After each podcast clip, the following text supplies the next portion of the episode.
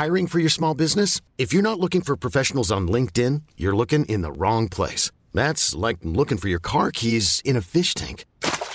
LinkedIn helps you hire professionals you can't find anywhere else, even those who aren't actively searching for a new job but might be open to the perfect role. In a given month, over 70% of LinkedIn users don't even visit other leading job sites. So start looking in the right place. With LinkedIn, you can hire professionals like a professional. Post your free job on linkedin.com slash achieve today. Ever catch yourself eating the same flavorless dinner three days in a row? Dreaming of something better? Well, HelloFresh is your guilt-free dream come true, baby. It's me, Kiki Palmer. Let's wake up those taste buds with hot, juicy pecan-crusted chicken or garlic butter shrimp scampi. Mm. Hello Fresh. Stop dreaming of all the delicious possibilities and dig in at HelloFresh.com. Let's get this dinner party started. Many of us have those stubborn pounds that seem impossible to lose, no matter how good we eat or how hard we work out. My solution is PlushCare. PlushCare is a leading telehealth provider with doctors who are there for you day and night to partner with you in your weight loss journey. They can prescribe FDA-approved weight loss medications like Wagovi and Zepbound for those who qualify. Plus, they accept most insurance plans. To get started, visit plushcare.com slash weight loss. That's plushcare.com slash weight loss.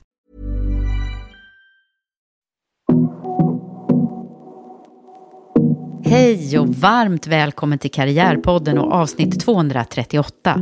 Där jag idag träffar Rosanna Rimertz som är partner i EQ Executive Search. Hon har en lång bakgrund i rekryteringsbranschen där hon också har verkat internationellt. Hennes karriär tog en vändning när hon tidigt tog beslutet att starta eget företag. Rosanna är en otroligt driftig person med stor passion för företagande och näringsliv som har en spännande livshistoria. Kopplingen mellan Italien och Sverige är med från första början och vi får höra hur cirkeln sluts. Det här är ett samtal om att följa sin passion och organisera sina karriärval efter hur livet utvecklar sig. Innan vi drar igång vårt samtal vill jag passa på att tacka Karriärpodden och Women for Leaders samarbetspartner Volkswagen Group Sverige. Tack för att ni gör det möjligt för oss att sända Karriärpodden och att jag får fortsätta lyfta fram förebilder. Här kommer nu avsnitt 238 med min gäst Rosanna Rimertz. Jag heter Eva Ekedal.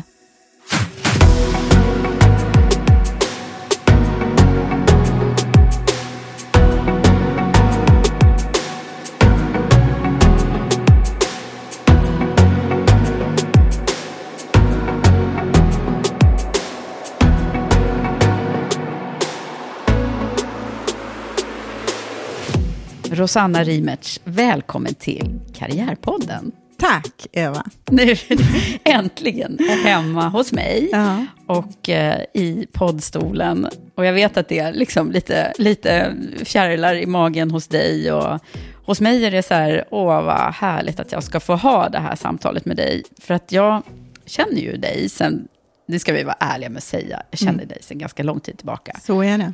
Men, och vi kommer komma in på det, men, men det känns ändå så här, ja, men jag vet ju faktiskt inte allt och det finns en story som jag vet som jag gärna vill höra igen och sådär. Ja. Ehm, men hur mår du? Vi Jo, men jag mår det. bra. Jag mår Mm. bra, lite pirrigt. Det är första gången för mig i en poddstol, så att det här är jättespännande. Och jag har, ser också väldigt mycket fram emot det här. Mm. Ja, och då undrar man ju så här, hur ska vi börja? Men vi måste nästan börja med att berätta lite vår koppling här, Ja, eh, tänker jag. Sen ska vi bara foka på, på dig och ditt Ja. liv, som Ja. är så spännande. ja. Eh, men eh, vi, vi känner varandra sedan, ja, det är jätte, jättemånga år tillbaka, i nästan 20 år tror jag Ja. det är. Mm, 21 till och med. Ja, och där, eh, där vi har eh, jobbat tillsammans, fast inte på samma bolag kan man säga, utan du har varit eh, underkonsult i lite olika konstellationer, Mm. där jag har eh, suttit i olika rekryteringsföretag och där du har varit otroligt viktig kugge för oss. Mm. Ehm, och nu, det, det blir liksom teasern till din... Nej men alltså Ja. du har ju en, en karriär som, på, som har utvecklats lite, lite, ja kanske inte som du kanske trodde från början. Så är det absolut. Så är det Eh, absolut. Och den, den, har också, den innehåller massa andra ingredienser som har med livet i stort att göra, som jag tänker vi ska komma in på. Gud, Ja. vilken cliffhanger. Ja, nej, jättespännande. Jättespännande. Ja. Men Rosanna, nu ska vi säga att det, anledningen till att du är här nu också är ju för att nu har ju vi tagit steget och jobbar tillsammans Så på riktigt i samma bolag. Efter 21 år har vi Ja. fått till det och det är jätteroligt. Känns Mm. superkul. Så du är ju ny delägare i, i EQ Executive Search. Ja, ja, Och då ny gammal kan man säga. så är det. Jag har varit med från början, men nu är jag med på riktigt. Mm. Så kul. Ja. Och då ska vi få lära känna dig ordentligt och då tänker jag, då, då gör jag som jag brukar göra med mina gäster. Vi måste börja från början innan vi kommer in och diskuterar rekrytering och Ja, andra spännande ja, saker. Vem, Vem är jag? är Vem är jag då? Tänk om jag får reda på massa grejer här nu. Som, Som, som du jag- inte visste innan. Eh, vem är jag? Jag är en eh, rätt vanlig, får man lov att säga, kanske Stockholmstjej. Eh, uppvuxen i Västerort, i Vällingby från början. Till stor del från början bodde vi utomlands mycket, för min pappa jobbade eh, i stora internationella företag ute. Mm. Så jag har bott mycket i Italien och de har bott mycket utomlands i olika, i olika perioder, mina föräldrar. Eh, och sen så gick jag min skolgång i eh, Nälsta skolan först och sen liksom Bromma gymnasium. Mm. Eh, Så, så- Bromma-tjej. Ja, Bromma tjej, Västerort. Men de här flyttarna som du sveper över lite här, det, det måste ju ha ändå satt sina Spår. spår ja, visst, absolut. Jag bodde mina första år i Milano. Mm. Eh, och där började vi även i skolan, så att jag har liksom med mig det italienska språket som grund. Eh, pappa jobbade då på Avesta, hette det på den tiden, Outokumpu, idag Mm, är det väl, stålverk. Så att han, ehm, han var ju då i enskilda bankensfären från början och sen så blev han liksom utskickad då, tror jag väl, på deras olika Mm. uppdrag. Och var väl på fläkt, eh, fläktfabriken som det hette på den tiden. Ja, jag tror det är Fläktwoods idag. Ja. Eh, och lite olika. Så att vi bodde i, Milano och det var, sen flyttade, ville min mamma då, hon följde med som medföljande. Hon har alltid varit hemmafru. Eh, så att eh, hon följde med pappa ut och så bodde vi där ett tag och sen så flyttade vi hem, familjen, mamma och eh, min bror och jag. Och pappa bodde kvar utomlands eh, till stor del. Eller han pendlade mellan Sverige Mm. Vad Och minns du av det här, liksom, när du... Eh, vad minns jag av det? Nej, men det var, det var jättekul. Milano var, ja, det var jättekul. Och vi gick i skola och man fick lära sig hur det var där. Det var, liksom, det var helt annorlunda än när man sen kom tillbaka till den svenska skolan. Där var det liksom förkläde, man hade såna här skolförkläden på sig. Och, Ja, det var uniform. alltså. Ja, uniform och man fick... Eh, det var mat som skulle ätas upp till sista, liksom, eh, sista tuggan på tallriken. Ganska hårt jämfört eh, med den svenska skolan Mm. man kom till sen då, i Nälsta, där vi gick. Och hur gammal var du då när ni flyttade Eh, hem igen? Ja, när vi flyttade hem då, de bodde ju ute redan när jag föddes då, så att vi flyttade väl hem när jag var sju. Mm. Eh, men, men min pappa, vi hade kvar bostad i, i Italien då, Mm. i Milano, så att vi var väldigt mycket där. Och sen så jobbade pappa även ute på andra orter i Europa, i, mycket i Nederländerna och Mm. Belgien och, och Spanien och, och även Frankrike tror jag. Nu minns jag inte exakt, men så vi var ute en hel del och han var egentligen ute i veckorna, så han låg ute i veckorna sen. Ja, så kom han hem då. Så kom han Men hem då, på fredagar. jag tänker på den här sjuåriga Rosanna då, som börjar i den äldsta skolan. Ja, ja. hur, hur var det då, då? Du måste ju varit superexotisk när du kom då. Ja, det var jag nog. Vi var nog lite annorlunda. Jag hade min bror som är, var ett år äldre än vad jag var. Och, och vi var väldigt tajta, han och jag. Och eh, ja, han var en klippa. Så att, men vi var nog lite annorlunda, klädde oss lite så här mer dressat än vad man gjorde kanske. Eh, och, och kanske en annan typ av uppfostran, rätt, eh, ja sådär. Så att det, det, vi var nog annorlunda lite grann, såg som annorlunda Men pratade ni, både, ni pratade förstås svenska Ja, vi hemma? pratar svenska. Mina föräldrar är ju svenska Ja, båda två. Då, precis. så att, mm. Så du, det var inte så, här så att du bröt på italienska? Nej, liksom? nej, nej, nej, nej, nej. Men vi, jag fick ju med mig italienskan sen början, Mm. sen, första, sen första stund. Då. Mm. Eh, så att det var Så att om man, om man dyker ner liksom i din tidiga uppväxt, Mm. Eh, vad, vad, är det för nycklar som du tror du hittar till... Du vet ju att jag alltid är så nyfiken på hur har man blivit den man är? Vad är det för någonting som du tror är så här? Vad har du med dig både från miljön och generna då? Ja, alltså miljön. Jag har, jag har haft en otroligt trygg uppväxt. Eh, mamma var liksom alltid hemma. Eh, de har varit väldigt fria som föräldrar, lite sådär som jag tror att många 40-talister var. Jag har funderat lite över det. Eh, vi fick liksom aldrig någon piska på att man skulle prestera i skolan eller något, utan vi fick göra lite som vi ville. Mm. Och jag har funderat på det där också. Jag tycker det hade kanske varit bättre om de hade legat på lite mer, men det gjorde de inte, utan de var väldigt tillåtande. Mycket, mycket frihet under ansvar. Um, vi, ja, man kunde liksom göra lite grann som man ville, men det var alltid liksom middag tillsammans, aldrig svara i telefon. Telefonen stod bredvid, den kunde ringa, men man skulle inte svara under. Liksom. Den stod bredvid det här lilla bordet då, i matsalen. Mm. Sådär. Uh, så att en fantastisk uppväxt, väldigt trygg. Uh, gjorde en hel del resor med dem och uh, mycket liksom bilande i Europa. Vi hade... Så att, Ja, en trygghet i grund då, som jag tror. Mm. Och den här globala grejen som på något sätt eh, ja. kom in tidigt. Ja, ja, absolut. Mm. Jag har, eh, liksom, absolut. Vi har varit ute mycket och pappa reste en hel del. Då, så att, mm. Eh, det fick mm. jag med mig tidigt. Men hur eh, gick tankegångarna då, när du skulle fundera på vad du skulle bli sen då?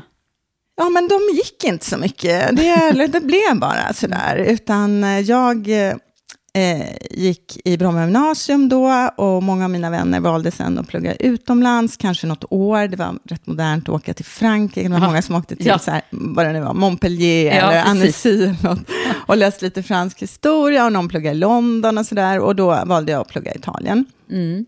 Så att jag läste min eh, bachelor i Italien i Perugia. Mm. Eh, och, så det var lite back to the roots där för dig då? Jag vet inte, jag valde väl kanske Perugia för att min pappa hade någon affärskontakt där som, som familjen kände, så det kändes ganska bekvämt. Liksom, att och så komma. kunde du italienska? Ja, jag kunde italienska. Men jag kunde kanske, jo jag kunde italienska, absolut. Jag, jag hade tappat en del, men sen hade jag fått tillbaka det genom några språkresor jag hade gjort som 16-17-åring. Mm.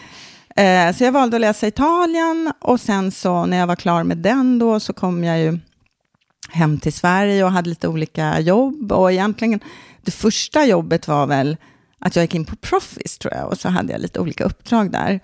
Eh, så jag var i bemanningsbranschen då, det var mm. absolut det första. Men som... Det vet jag inte om jag har hört. Nej, det tror jag inte du har. Du ser, där var den. Mm. Eh, men då hyrde de, som jag var liksom uthyrd konsult då inom det var väl liksom marknad och sälj mycket. Jag har, jag har ju alltid gillat att sälja. Jag har liksom jobbat på Lens och sålde kliniksmink till eh, så gamla gummor. Fick, de fick med sig hur mycket mm. ut som helst i sina påsar när de gick. Uh. Eh, och där började jag väl då lite grann, eh, ja men så mycket så här, telefonarbete, HP var inne på, så här, partner sales och, och sen så eh, fick jag ett uppdrag. Ehm, jag blev inhyrd till en underleverantör var det väl, till Svenska Dagbladets eh, annonsavdelning och de skulle ge ut en, en karriärbilaga. Eh, och så var de försenade och de hade ingen som kunde sälja på den där, så de tog in mig. Och då så sålde jag slut den där, alla annonserna i den där bilagan på, på bara några dagar. Så de var så fantastiskt. Och det var ju en ganska, det var ju rätt många i det där bolaget då. Så de, andra, de undrar, man, vem är det här? Ja, de undrar lite. Jag var superung och så kom jag in där och så hade de en sån här klocka man skulle gå och mm. slå i varje gång man sålde. Mm. mm. Så jag gick till den där klockan och, sålde, eh, och slog och slog. Och, och, och sen så, så då eh, blev jag kontaktad sen direkt av Svenska Dagbladet. Mm. Eh, och jag gick igenom deras rekryteringsprocess och liksom skulle in i deras annonsavdelning. Jag kommer ihåg att de tog mig till, eh, och det var ju liksom på den tiden, då vi åkte ut på Djurgården och åt lunch med de här cheferna som skulle bli mina chefer och liksom allt var klart. Och sen mitt i det här så träffade jag då min man mm. på eh, en sommarsemester på Sicilien. Ehm, så då blev det inte riktigt så. Utan Nej, då... du skulle alltså annars ha tagit det där? Ja, ja absolut. Jag hade sagt ja. Liksom, mm. men, mm, så att det... men vi måste stanna här lite vid det här telefon och eh, sälj. sälj. för det är ju någonting, där hittar vi liksom en nyckel till ja. din, din ja. framgång kan man väl säga. Ja. Eh, vad, vad, är grejen där egentligen? Du bara älskar det här på något sätt också? Ja, nej men alltså Jag har alltid känt, det har alltid känts naturligt för mig, det här med cold calls, som många är väldigt... Eh... Till motsats mot väldigt många. Det är det värsta jag gillar det, jag gillar det. Jag gillar att ringa och prata med människor. Jag har alltid tyckt om att prata med människor. Och jag har, det känns som att folk tycker om att prata med mig också. Mm. Så, att, eh, nej, så att det är någonting Men du som... hittade din liksom, USP där det kan man säga. Det vet jag inte om jag gjorde, men det mm. var liksom första jobbet. Mm. Och, eh, och sen fick jag då det där jobbet som ändå var liksom ett bra jobb då, om jag hade börjat på mm. det som första jobb. Då. Ja, men tänk vad liksom, det är ganska mycket bananskal. Ja, det är jättemycket bananskal. Bananskal hela vägen. Ja, ja men liksom mm. att, och vad hade, så här, Sliding Doors-filmen tänker jag på också, vad hade hänt om du inte hade träffat din italienska man här. Eh, utan eh, ja. att du, ja. Då hade jag levt ett annat liv. Då hade du kanske varit vd på svenska nu. Eller? Ja. Nej.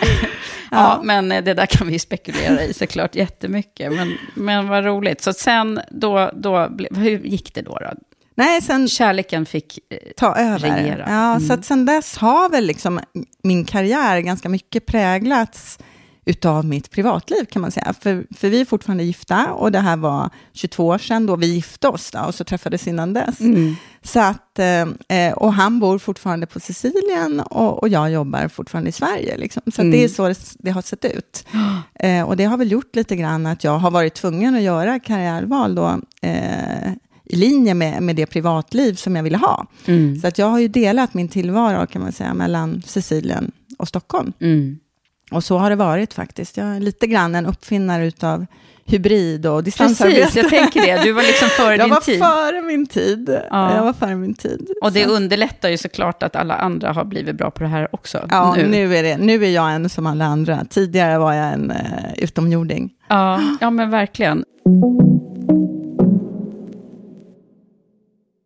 Kan vi inte prata om din farmor? Min farmor och Sicilien då? då. Ja, för det finns ju kopplingar här som det är finns så kopplingar. Varför jag var på Sicilien när jag träffade min man då är för att eh, min, vi hade ett sommarhus eh, på Sicilien i familjen. Eh, och det var då min farmor Karin eh, som var en eh, fantastisk kvinna. Mm, mm women for leaders. Ja, verkligen. Ja. verkligen.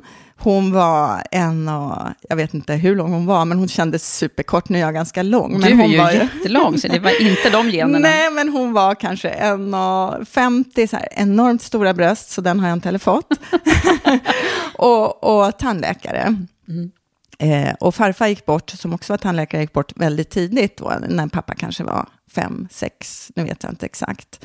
Eh, och sen så skulle då min farmor på den tiden vara, vara modernt att de reste kvinnorna då ner till Medelhavet och så skulle de måla. Och det var ju ingenting för farmor att måla, det tror jag inte. Men hon hade en väninna som hette Skenia, Skenia Ekström, som var konstnärinna. Så då följde hon med den här väninnan då ner till Taormina, Sicilien. Och eh, väninnan målade, jag vet inte riktigt vad farmor gjorde då, men hon träffade i alla fall en man på stranden som, Din farmor alltså? Ja, min farmor, Karin då, tandläkar-Karin, träffade den här mannen som hette Antonio. Eh, och som inte hade gjort någonting vettigt tror jag i hela sitt liv. Och han bar henne en bit över ett litet, eh, vad ska jag säga, ett litet, ett litet sund. Mm. Så att hon inte skulle bli blöt om fötterna. Och där var det. Liksom. Där satte ja, romansen där igång. Satte, där mm. satte. Så att hon gifte sig sen med den här Antonio. Och, eh, och hon lät bygga då det här huset som vi sen har haft som sommarhus. Och där jag faktiskt eh, till stor del av min tillvaro även bor idag då när jag, när jag är i Italien och inte i Stockholm. Så att, eh, ja. Det är sån otro... Ja. Men alltså, sen var det ju så, din, din farmor var ju också en riktig affärskvinna. Absolut. Hon hade sin egna praktik ovanför Buttricks på Drottninggatan och liksom väldigt sådär. Antonio hade bara arbetat två dagar tror jag hela sitt liv och det var som statist i Gudfadern. det är helt sant. Jag tror inte han hade gjort någonting annat. Nej. Nej. Så hon lät bygga det här huset och sen nu... Så för att de skulle så han skulle vara där, för hon var ju här hemma och ja, jobbade. Ja, de var särbo på den tiden. Så hon fortsatte att arbeta i Sverige och han bodde där. Och sen så har vi hittat papper sen dess som var påskrivna att han inte skulle han hade ingenting att uh, to pretend, liksom, utan uh, han... Så hon var smart? Liksom. Ja, hon var smart. Så På den tiden var hon smart, ja. Den, han, den här, han, han dög liksom inte till det, utan det var, det var liksom för nöjes skull. Som hon... Jag vet inte vad det var, men eh, sen lockade hon upp honom till Stockholm i alla fall. Och då öppnade de en restaurang för att han skulle ha någonting att göra, som låg då på... ja. Riddargatan? Nej, ja. Nybrogatan. Ja, Nej. i hörnet där. Det var ju den som en gång i tiden hette Collage. Just nu vet det, jag inte vad den heter. Ja, just det. Mm. Och den hette ju då... Ingmar Bergmans gata. Ja, det är där vi sitter. Precis, det är nästan där vårt kontor ligger nu. Men jag ja. inte vad den heter. Men, eh, och den hette då Isola Bella. Mm. Eh, men jag tror han stod ut kanske sex månader eller något och sen åkte han ner till solen istället. Han ville inte jobba, Nej. eller trivdes han inte i Sverige kanske? Nej, han, jag tror inte han trivdes i Sverige och pratade liksom inte svenska. Mm. Och sen dog han innan jag föddes, så jag har inte, han är liksom en legend, men jag har aldrig träffat aldrig honom. Träffat honom. ja, men alltså det är så roligt, för man, det, alltid när jag hör dig, jag har ju hört den här historien förut, men jag tycker den är så fantastisk, därför att det känns ju som att du berättar ju delvis lite om ditt eget liv också. Ja, men inte så. Nej, så. men det finns ju klara paralleller. Min man, min man ja, arbetar. Han är ju jätte så. Men jag menar ändå, det är ju, det är ju så här, ja. historien på något sätt. Ja, repetera, åter, ja. ja. Vad har det här betytt för dig då? Nej, men hon var väl, eh, jag tror att hon, för mig var hon nog liksom en stark kvinna, mm. Eh, en förebild, en stark kvinna som förebild. Just att hon tog de här besluten och mm. levde sitt liv. Precis. På ett sätt som jag tror var eh, ganska ovanligt på den tiden. Mm. Mm. mm. Och det låter som hon, hon liksom satt i förarsätet på sitt liv verkligen. Det var inte så här, som många av Nej. den tidens kvinnor var ju liksom lite på sidan av, Just de var liksom bara fruar. Ja. Uh, men, uh, Nej, hon satt i förarsätet. Ja. Och det gör nog jag också. Det gör ju du, tänker jag. Så det finns många paralleller. Jag sitter definitivt i förarsätet på mitt liv. Mm. Och där, eh, då när du, eh, nu är vi tillbaka i början på din, ja. då när det inte blev svenskan, utan det blev Sicilien. Ja, då träffade jag sen, eh, jag körde lite projekt där, jag har alltid varit väldigt liksom, driftig och energisk. Det fanns någonting på den tiden som hette Nöjesguiden, tror jag. Jag kommer ihåg de där korten man tog på stan. Vykort ja, på, gratis det. vykort ja. på stan.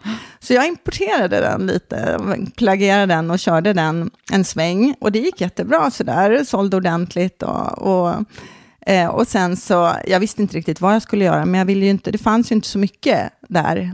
Eh, utan det var ju butik eller restaurang eller hotell och det var ingenting för mig. Jag hade ändå pluggat och sådär.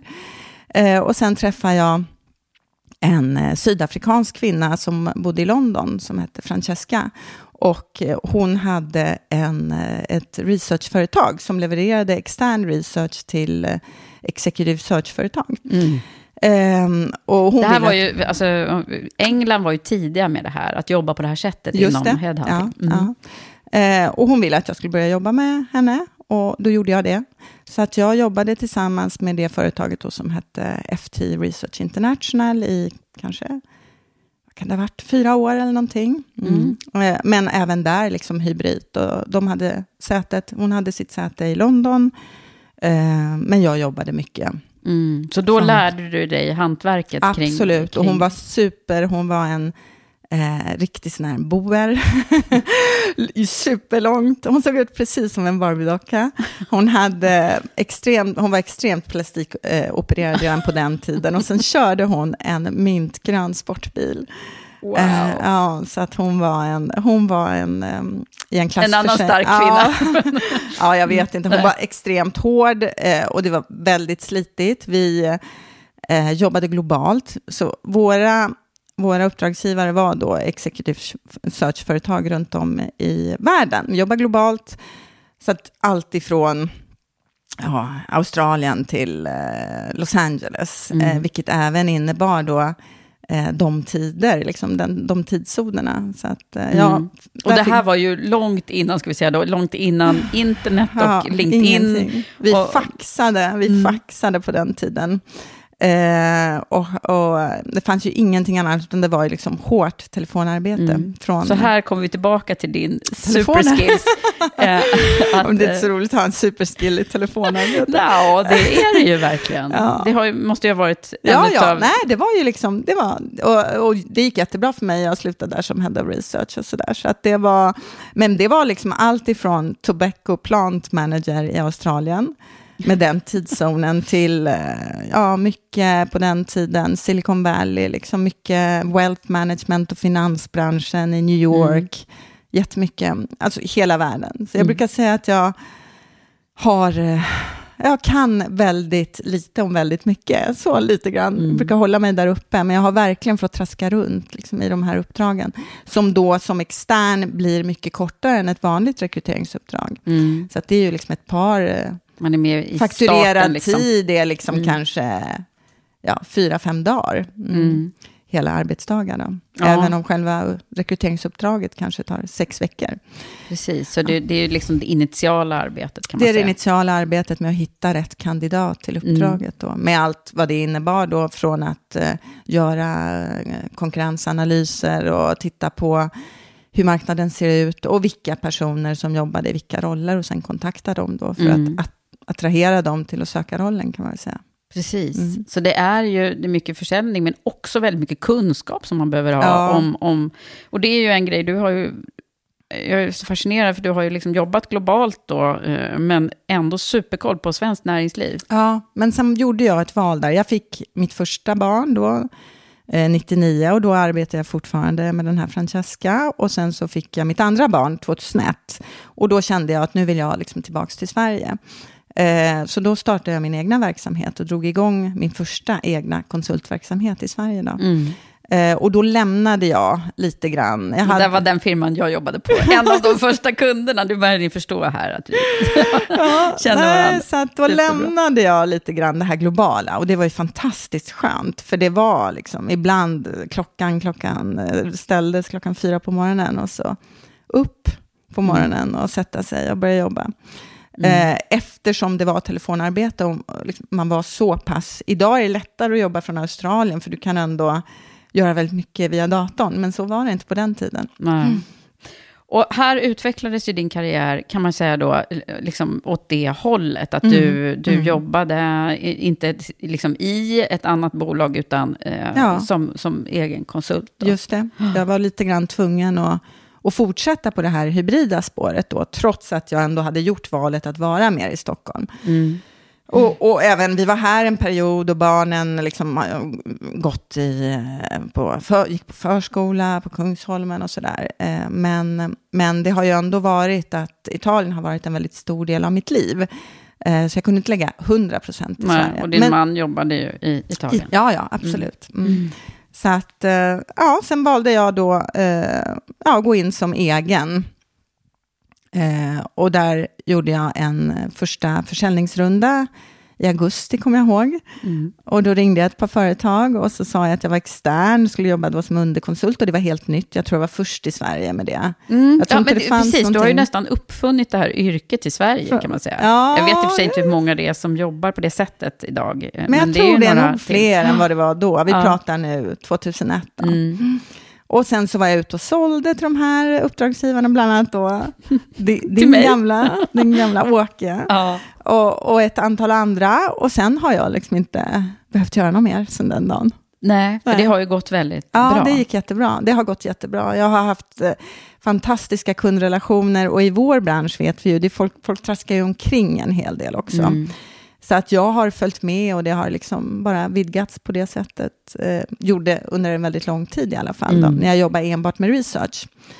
Ehm, och sen gick jag väl in lite grann och började sen, liksom, gick mer och mer från att lämna det rena researcharbetet till att gå in mer på hela rekryteringsprocessen. Då. Mm. Men fortsatt alltid i konstellation tillsammans med någon annan då, så att jag kunde lämna över delar av processen om jag var borta, eller Mm. vi delade tiden helt enkelt. Ja, men precis. Och, men nu är det ju betydligt mera hela processen. Mm. Nu är det säga. hela processer hela tiden. Men det har i och för sig varit ett tag Ja, innan, innan ja. också. Då, Precis. Så att, ja. Men jag är så fascinerad, Rosanna, över ditt sätt att jobba. Och, eh, alltså, hur, hur får du. För att när man än ringer dig så är det liksom... Du, du sitter ju, alltså klockan sju på morgonen, alltså var får du din drivkraft Energin ifrån? Ja. Nej, det vet jag faktiskt inte, men jag har ett väldigt, jag har ju extremt mycket energi, mm. tror jag. Och eh, var får jag den ifrån? Det är ja. en supersvår fråga, men den, den, bara kommer av sig själv, bubblar i mig. Jag tycker det är kul. Ja.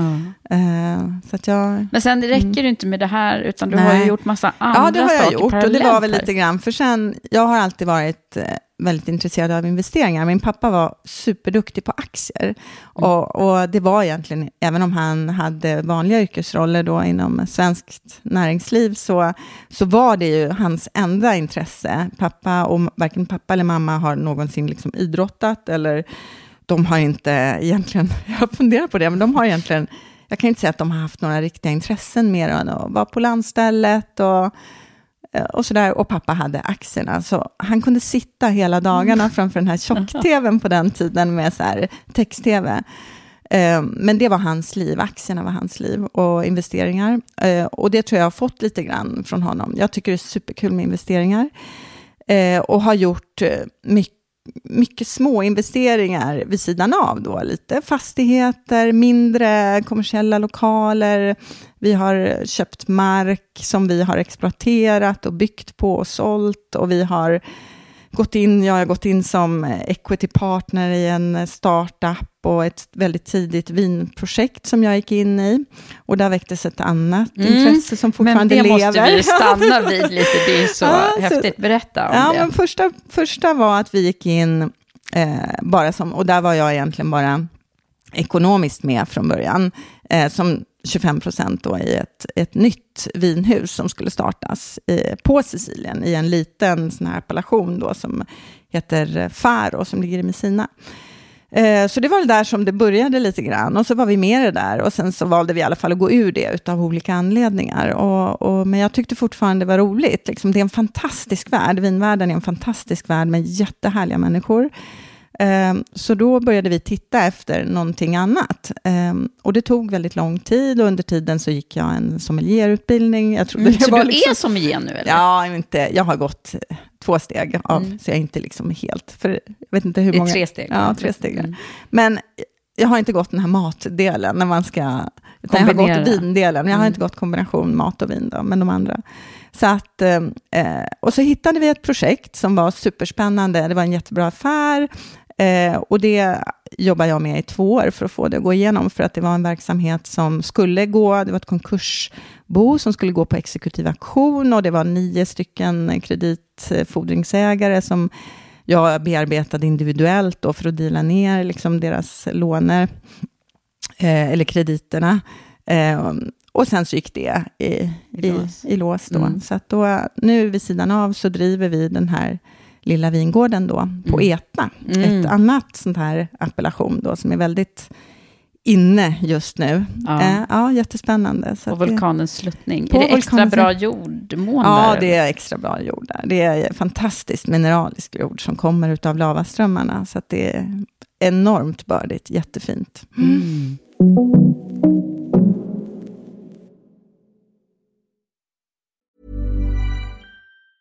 There's never been a faster or easier way to start your weight loss journey than with PlushCare. PlushCare accepts most insurance plans and gives you online access to board-certified physicians who can prescribe FDA-approved weight loss medications like Wigovi and Zepbound for those who qualify. Take charge of your health and speak with a board-certified physician about a weight loss plan that's right for you. Get started today at plushcare.com slash weight loss. That's plushcare.com slash weight loss plushcare.com slash weight loss. I'm Sandra, and I'm just the professional your small business was looking for. But you didn't hire me because you didn't use LinkedIn jobs. LinkedIn has professionals you can't find anywhere else, including those who aren't actively looking for a new job, but might be open to the perfect role, like me. In a given month, over 70% of LinkedIn users don't visit other leading job sites. So if you're not looking on LinkedIn, you'll miss out on great candidates like Sandra. Start hiring professionals like a professional. Post your free job on linkedin.com slash achieve today. Ever catch yourself eating the same flavorless dinner three days in a row? Dreaming of something better? Well, HelloFresh is your guilt-free dream come true, baby. It's me, Gigi Palmer. Let's wake up those taste buds with hot, juicy pecan crusted chicken or garlic butter shrimp scampi. Mm. Hello Fresh. Stop dreaming of all the delicious possibilities and dig in at HelloFresh.com. Let's get this dinner party started. Since 2013, Bombas has donated over 100 million socks, underwear, and t shirts to those facing homelessness. If we counted those on air, this ad would last over 1,157 days. But if we counted the time it takes to make a donation possible, it would take just a few clicks. Because every time you make a purchase, Bombas donates an item to someone who needs it. Go to bombas.com slash ACAST and use code ACAST for 20% off your first purchase. That's bombas.com slash ACAST, code ACAST. Hey, it's Ryan Reynolds, and I'm here with Keith, co star of my upcoming film, If, only in theaters, May 17th. Do you want to tell people the big news? All right, I'll do it. Sign up now and you'll get unlimited for $15 a month in six months of Paramount Plus Essential Plan on us. Mintmobile.com slash switch. Upfront payment of $45 equivalent to $15 per month. Unlimited over 40 gigabytes per month. Face lower speeds. Videos at 480p. Active Mint customers by 531.24 get six months of Paramount Plus Essential Plan. Auto renews after six months. Offer ends May 31st, 2024. Separate Paramount Plus registration required. Terms and conditions apply if rated PG. Men du, jag tänker att vi ska ta oss tillbaka till rekryteringslivet och företagarlivet för Mm. dig. Mm. Vad, vad, vad, vad är det för, liksom, när man, när man ringer, Ja. som du gör, då, är är- många som lyssnar kanske också har blivit uppringda, eller vill bli uppringda. Vi kan ju se det från lite olika... De kan ringa mig. Exakt, det kan de göra. Men vad, vad är det för... ehm, för du använder ju fortfarande telefonen som ditt verktyg. Ja. Ja. Vad, hur blir du bemött? Nej, fantastiskt. Det, liksom, det har väl aldrig hänt att någon inte har tyckt att det har varit roligt att prata Alla med vill mig. lyssna. Ja. Ja, absolut. Ja. Ja. Så att jag, nej, jag ringer och frågar om man har tid och ofta så har man det och tar en liten pratstund. Och, och så försöker jag då kanske väcka ett intresse Mm. till att ta en dialog om en roll som jag har i åtanke. Mm. Är det något som man ska göra där eller inte göra som kandidat, tänker jag? Vi kanske kan tipsa lite om det. Nej, det tycker jag inte. Bara vara sig själv. Ta Mm. samtalet, lyssna vad det är. Och sen kan man göra, man ska alltid lyssna, det kan jag säga. Alltid lyssna, det är alltid värt att lyssna. Mm. För man vet aldrig vad det är för något rekryteraren har i, i bakhuvudet när den ringer. Så det är klart man ska lyssna. Mm. Och om man också nu, nu blir vi lite tekniska här, men eh, jag tänker på det om man nu sitter där och vill bli uppringd och aldrig blir det, och vill bli hittad. Eh, det, där, men det är ju faktiskt ganska, det är, det är ganska vanligt att man kanske sitter där och, och, och, Och undrar varför är det ingen som hittar mig? Nej. Eh, och det, jag kan ju, vi kan prata om det här, både du och jag. Just, vi hade ju senast eh, häromdagen ett, ett eh, event där vi pratade just om karriärutveckling. Ja, men idag är det ju lite lättare då. Alltså nu, jag jobbar ju inte på något sätt enbart med LinkedIn, men om man vill bli sedd så ska man ju naturligtvis vara där precis som 2,8 miljoner andra svenskar, eller, Mm. eller vad det är, utav vår befolkning på, alltså arbetsföra befolkning på 4,5 miljoner. Mm. Så att det är klart man ska vara på LinkedIn och man ska se till att den är uppdaterad. Mm. Eh, för det är väl, det beror på lite grann, liksom. men jag jobbar rätt seniort. Eh, och där är det ju inte alls, utan man har ju ett e- stort eget nätverk efter alla dessa år också. Man har levererat en hel del olika uppdrag. Mm. Ehm, så det är ju en stor del i att bearbeta liksom, sitt eget nätverk. Men om inte jag känner kandidaten så är det ju via LinkedIn ofta som man hittar. Mm. Ja, numera är det ju så. Absolut. Men jag menar, det har ju verkligen inte varit så historiskt sett. Och, Nej. och jag vet bara hur, hur känslan var när, när vi började förstå det här. Liksom. Ja. Det fanns ju andra internetbaserade eh, verktyg innan då. Men, det. men eh, det blev ju, vårt jobb blev ju förändrat kan man säga. Alla vi som jobbar i rekryteringsbranschen. Väldigt mycket när lättare. det här, eh, när man insåg liksom. Man fick en, en hel värld av CVn som öppnade sig. Som bara fanns låg där. där. Ja. låg där. Tidigare, för länge sedan, då skulle de liksom faxas in. Ja. Och så skulle Eller det arkiveras. Jag kommer ihåg att jag satt med liksom telefonkatalogen, Ja, eh, den här företagsdelen, liksom, Mm, och, mm. och slog Ja, eh, i den. och liksom. ringde. Ja, och det fanns någon sån här postens adressregister. Och, Ja, ja. ja. det känns som vi är hundra år, vi kanske inte ska fasta i det där. Men det är ändå ganska Ja, fascinerande. det är fascinerande eh, eh, det här- hur det har utvecklats. Och jag tror att man kommer gå mer och mer mot LinkedIn och lämna CVn. Ja. Mm. Och det är också någonting, jag tror att det, det är så lätt också att, att läsa en profil via LinkedIn jämte mot ett vanligt CV. Det går mycket, mycket fortare att scanna. Mm. Eh, Så för rekryteraren så är det väl, jag tycker det är mycket, mycket lättare Mm. att bara snabbt scanna en person på LinkedIn än att, att scanna dens CV.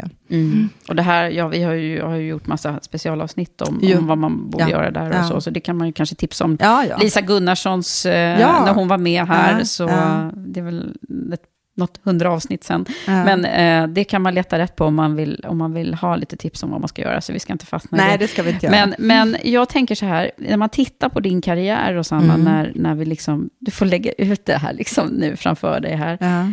Vad är det som har varit de här liksom riktiga höjdpunkterna för dig? Eller har det funnits något sånt? Eller vad är det som är... Det har, det har väldigt mycket, för min del har det väldigt mycket rullat på. Mina höjdpunkter har nog varit i mina kundrelationer och de här riktigt svåra uppdragen som vi har löst tillsammans. Eh, och jag har ju, eh, jag har haft, nu, nu är jag ju en annan konstellation då, men tidigare, jag har haft uppdragsgivare som jag har jobbat med i 20 år. Och det har varit så fantastiskt och de har aldrig varit, liksom, de har alltid varit nöjda. Så för mig har det, det har varit någonting som jag... Nöjda kunder. Nöjda kunder. Det har varit, och liksom, de har alltid varit glada och nöjda. Och, och vi har alltid haft en jättefin dialog. Mm. Men sen blir det ju lite så när man sitter som underkonsult, att man, de där topparna som man kan prata om, när man, jag, har, jag har ju varit underkonsult i Mm. 20 år. Ehm, så, det, så det blir lite mer stagnant, skulle jag vilja säga. Den kommer nu, tänker jag, när du ja, är toppen, med den oss. kom ju nu. Toppen kom nu, när vi Mm. träffades igen efter alla dessa år. För det var ju en period när du var... Mm. När När jag vi inte jobbade såg. så mycket med Nej, rekrytering. nej. Mm. Och så fick vi nys på varandra igen. Och, och jag har ändå varit med liksom, i bakgrunden då, i Mm. den här nya konstellationen sen start. Mm.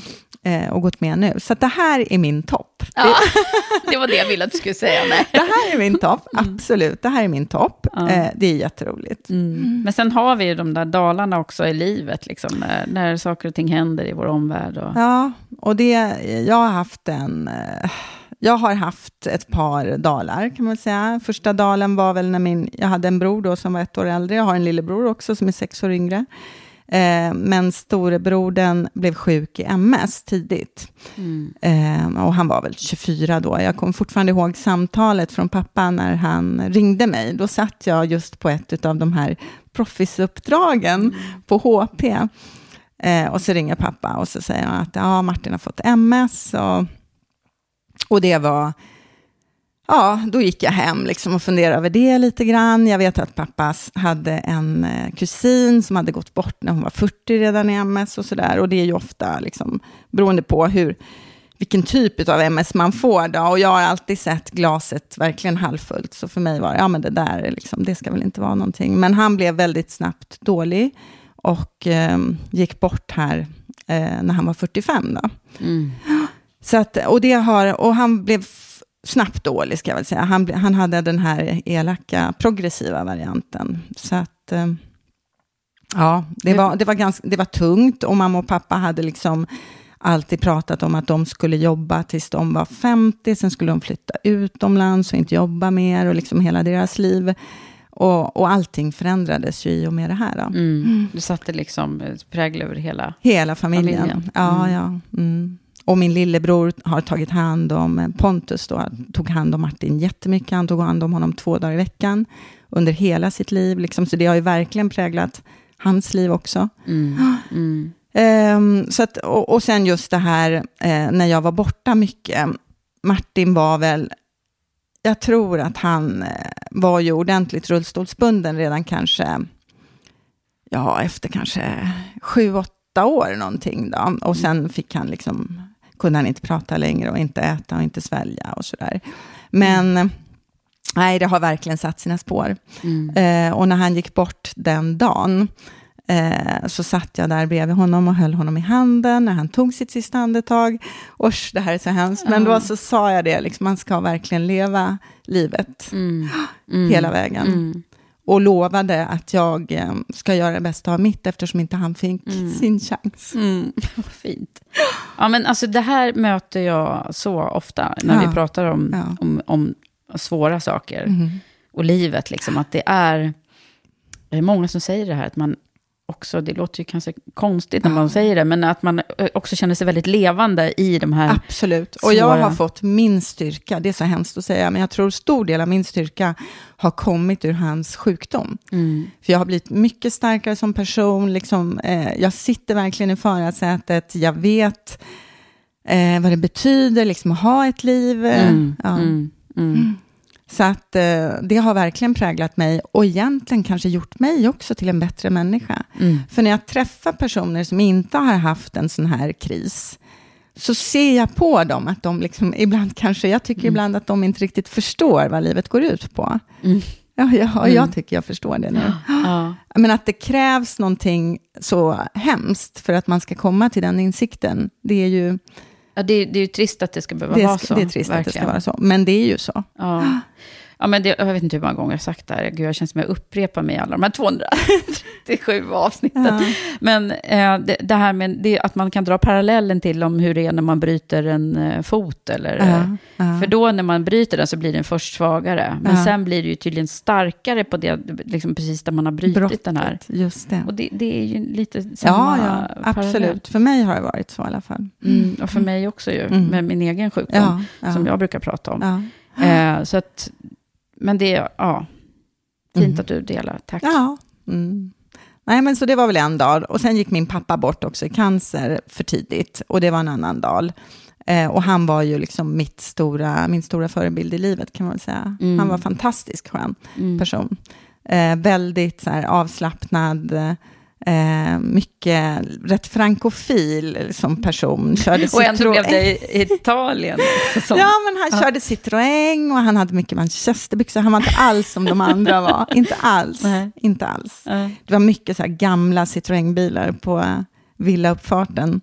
Eh, som inte våra grannar hade, kan jag säga. Och, eh, så att, eh, nej, han var också en klippa och vi pratades vid telefon. Liksom, de perioder jag var inte hemma så pratades vid flera, flera gånger om dagen. Så, där.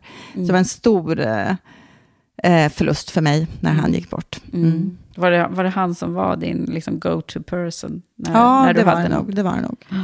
Eh, ja, för att vi pratades vid. Jag kunde prata med mamma när jag var borta i perioder, kanske en gång i veckan, men pappa flera gånger om dagen. Mm. Men han satt ju också alltid vid telefonen och tittade på sina börskurser. så, så han var liksom, det var alltid han som svarade på den Och du kunde tiden. diskutera spännande grejer Ja, som kunde, hände och ja sådär med men honom. absolut. Mm. Han var en fantastisk människa. Mm. Mm. Ägde inga jeans, ägde inga gymnastikskor, ägde knappt några shorts. Även om det var 40 grader Han hade hade liksom så här- kostym och Nej, inte kostym, utan han hade någon slags casual look. Det var var- definitivt inte kostym, men det var så här, ja men flanellbyxor på vintern, manchesterbyxor på vintern och så här, så här bo- bomullsbyxor på sommaren. Men de hade han på stranden, liksom, bomulls, Aha, långbyxor. okej. Ja. Han hade sin stil. Mm. Men du, när jag tänker att vi ska glida in lite på det här med, med alltså förebilder är ju en sak, men också ledarskap. Och, Ja. och du som ändå har under de här, du har ju mött så många ledare eh, och varit med i rekryteringsprocesser. Ja. Har du märkt att det liksom över tid har, har skiftat någonting i vad efterfrågan, vad, vad handlar det om nu? Ja, men idag handlar det väl väldigt mycket om att vara en modern ledare som, som tar hand om sina medarbetare. Man är på samma nivå, det hierarkiska har försvunnit. Eh, inkluderande. Mm. Mm. Mycket, mycket mer agilt idag. Ja, det är ju så, verkligen. mm. Eh, där pratar Och det är ju det som efterfrågas. Ja, Mm. precis. Och sen eh, Eh, och, och, och också ibland så, så det, det- det här tänker jag att vi ska prata lite grann om. Ibland så är det ju så att våra uppdragsgivare tror att de vill ha en speciell profil. Ja. Och så får de inte det. Nej, och så tänker vi att är det verkligen det de ska? Nej, så är det. Eh, Ja. Och ibland så, så är det ju så att vårt arbete handlar ju rätt mycket om att våga tänka utanför boxen och se om, om, om vi kan få... Spela in personer Mm. som ligger utanför deras initiala referensramar. Och det är Mm. någonting som är så roligt när man lyckas med det. Tyvärr är ju inte alla uppdragsgivare alltid mogna för den processen, tycker jag. Nej. Jag ser gärna att man rekryterar på potential. Inte alltid, men i vissa skeden. Mm. Eh, men det är ju inte alltid man lyckas få igenom det. Men när det väl händer, att man kan trycka igenom en kandidat, Mm. eh, som där, liksom, där eh, uppdragsgivaren har vågat ta chansen och lyssna på de inspel vi kommer med. Mm. Och sen att man ser att den här personen verkligen lyckas i rollen, det känns ju fantastiskt för oss. Mm, verkligen. Mm. Ja, när det blir något liksom oväntat. Ja, oväntat, Ja. oväntat. Inte bara raka karriärer. Men nu finns det en helt annan öppenhet till den här rakheten. Nu är det mycket lättare att glida åt sidan, tycker jag. Mm. Ja, men det, det, det känner jag också att det, de, de liksom... Men det beror ju på också hur, hur bra vi är på att argumentera. Just det. Så att det, där, det är det jag tänker på, för att komma tillbaka till din grundkompetens. Liksom att vi är eh, säljare. Ja. Det gäller ju förstås att sälja, liksom, man ska inte översälja, men, men eh, vi måste ju kunna både argumentera vår uppdragsgivares potential och vad jobbet innebär Ja, och ja. sådär. Eh, men också vad kandidaternas Potential. är. potential är. Mm. Så det är många som tror att rekryteringsarbetet handlar om eh, liksom mer den psykologiska aspekten. Och det gör det väl i och för sig till viss del, men det handlar ju väldigt mycket om att, att vi är bra på att kommunicera åt alla håll. Absolut, absolut. Det är ju, Mm. Kommunikation är ju superviktigt i rekryteringssammanhang. Ja, Så att man lyckas få ut det som, eh, som vi sitter på. ja. Mm. ja men verkligen. Du, nu ska du också få den här frågan som alla mina gäster Ja. får eh, Mm. i Karriärpodden. Mm. Den som då kommer ifrån min samarbetspartner, Volkswagen Group Mm. Sverige. Som är så bra, för de eh, jobbar mycket med hållbarhet. Ja. eh, och ur alla aspekter. Så att eh, de är nyfikna på att höra vad din syn på hållbart ledarskap innebär. Eh, för mig, hållbart ledarskap för mig är, det ligger mod skulle jag vilja säga. Att man vågar vara modig och ta de beslut som krävs. Och sen ödmjukhet, att man är ödmjuk gentemot sin personal. Och Mm. inkluderande, skulle jag vilja säga. För mig är det ett hållbart ledarskap. Mm. Modig, ödmjuk och inkluderande. Och det är inkluderande. Där ska vi kunna trumma in. Ja, Mm. Ja. men det där är ju kul. Det, det är en del eh, kopplar det till det, en del kopplar det... Alltså hållbarhet Ah, i stort ja, är ju nej, liksom... men jag kopplar det nog till att, det, att, att ledarskapet ska hålla över tid. ja. För mig är det ett hållbart ledarskap. Mm. Mm. Och för att lyckas att få det att hålla över tid så tror jag att man behöver det. Sen kan man ju lägga ut det där med att prata om kring att man ska vara tydlig i sin kommunikation och det ska finnas tydliga mål. Och, Mm. eh, men de här tre, för mig är det liksom, ja, att man ska vara, vara modig också och kunna ta de beslut Mm. som krävs. Precis, så som jag tänker att du Tis- har varit. Tillsammans med ödmjukheten. Ja, Ja. nej men eh, du har ju varit modig. Du har ju liksom gått en, en inte den traditionella, kanske utstakade Nej, vägen. Nej. Nej. Mm. Jag har nog varit modig. Mm. Mm.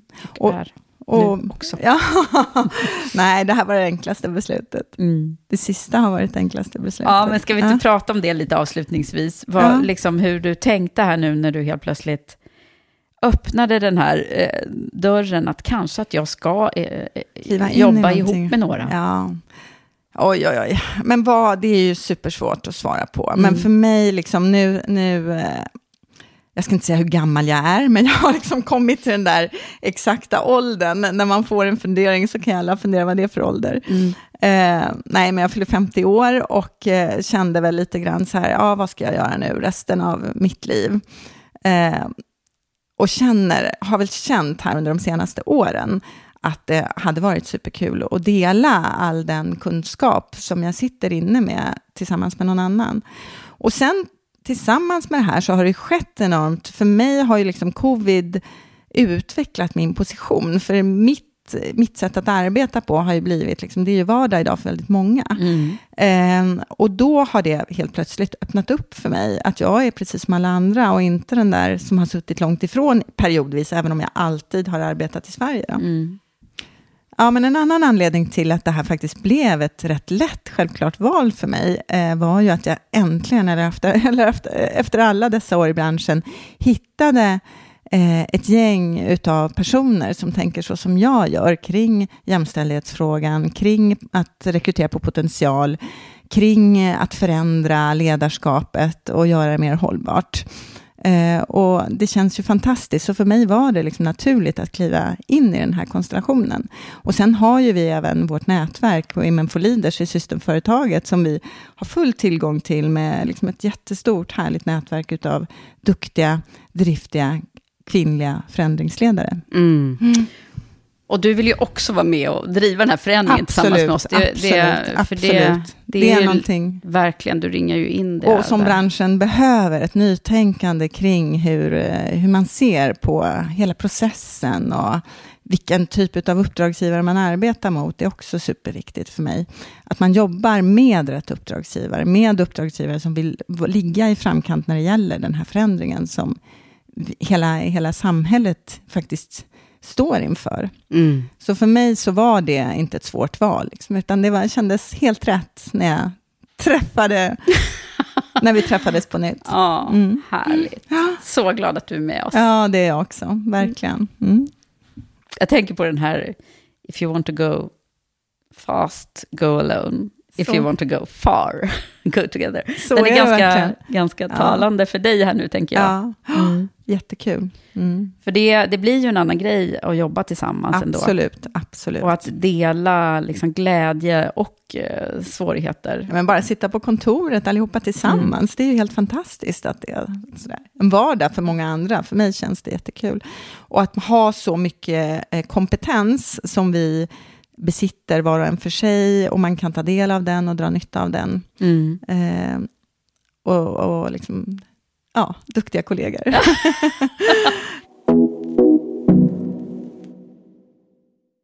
Nu så tänker jag så här också, att jag brukar alltid försöka försätta mina gäster vid det här, att de inte är eh, så erfarna som de är, utan att du är lite tidigt i ditt liv och i din karriär. Kanske runt 20. ja. Vad tror du att du hade mått bra av att höra då, som, som du nu vet, men som du kanske inte visste då? Jag vet att du har ju barn i den här åldern, så att, du kan ju tänka på vad de hade... Nej, du tänk på dig själv, tänk på dig själv. Nej, men vad hade jag mått bra av? Jag hade nog mått bra av att, att höra, liksom, gör det du tycker är kul. Liksom, hitta din passion, gör det du tycker är kul. Sen hade jag nog, om vi går lite tidigare i tiden, eh, hade jag nog mått bra av att någon hade sagt, liksom, plugga lite mer, men det gjorde de ju aldrig.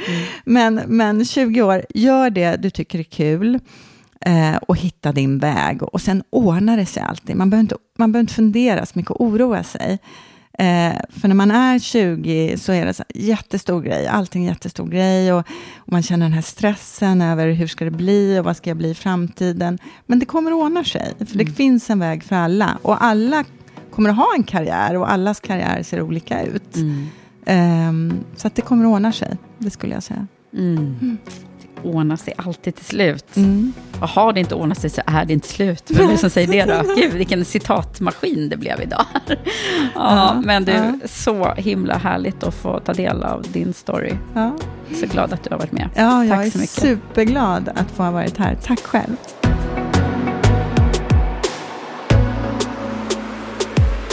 Hoppas att du gillade det här avsnittet. Stort tack till dig som har lyssnat på mig och min gäst Rosanna Rimertz. Glöm nu inte att följa Karriärpodden och Women for Leaders i sociala medier och prenumerera på podden så får du direkt veta när det kommer ett nytt avsnitt. Det var allt från mig och Karriärpodden den här gången, men vi hörs snart igen.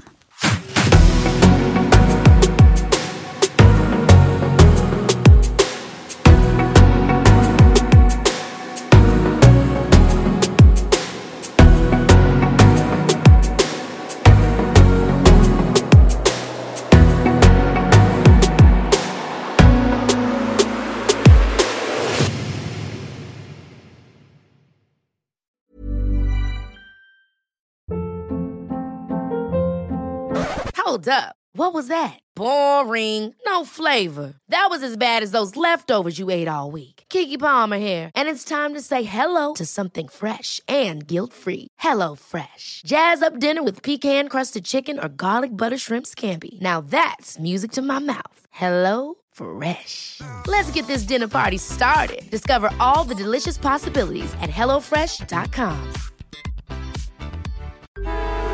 Traffic jams, tailgating, pileups. Ugh, the joys of driving. How could it get worse? The federal government wants to have a say in what you drive. That's right. The Biden administration's EPA is pushing mandates that would ban two out of every three vehicles on the road today. Don't let Washington become your backseat driver. Protect the freedom of driving your way. Visit EnergyCitizens.org. Paid for by the American Petroleum Institute.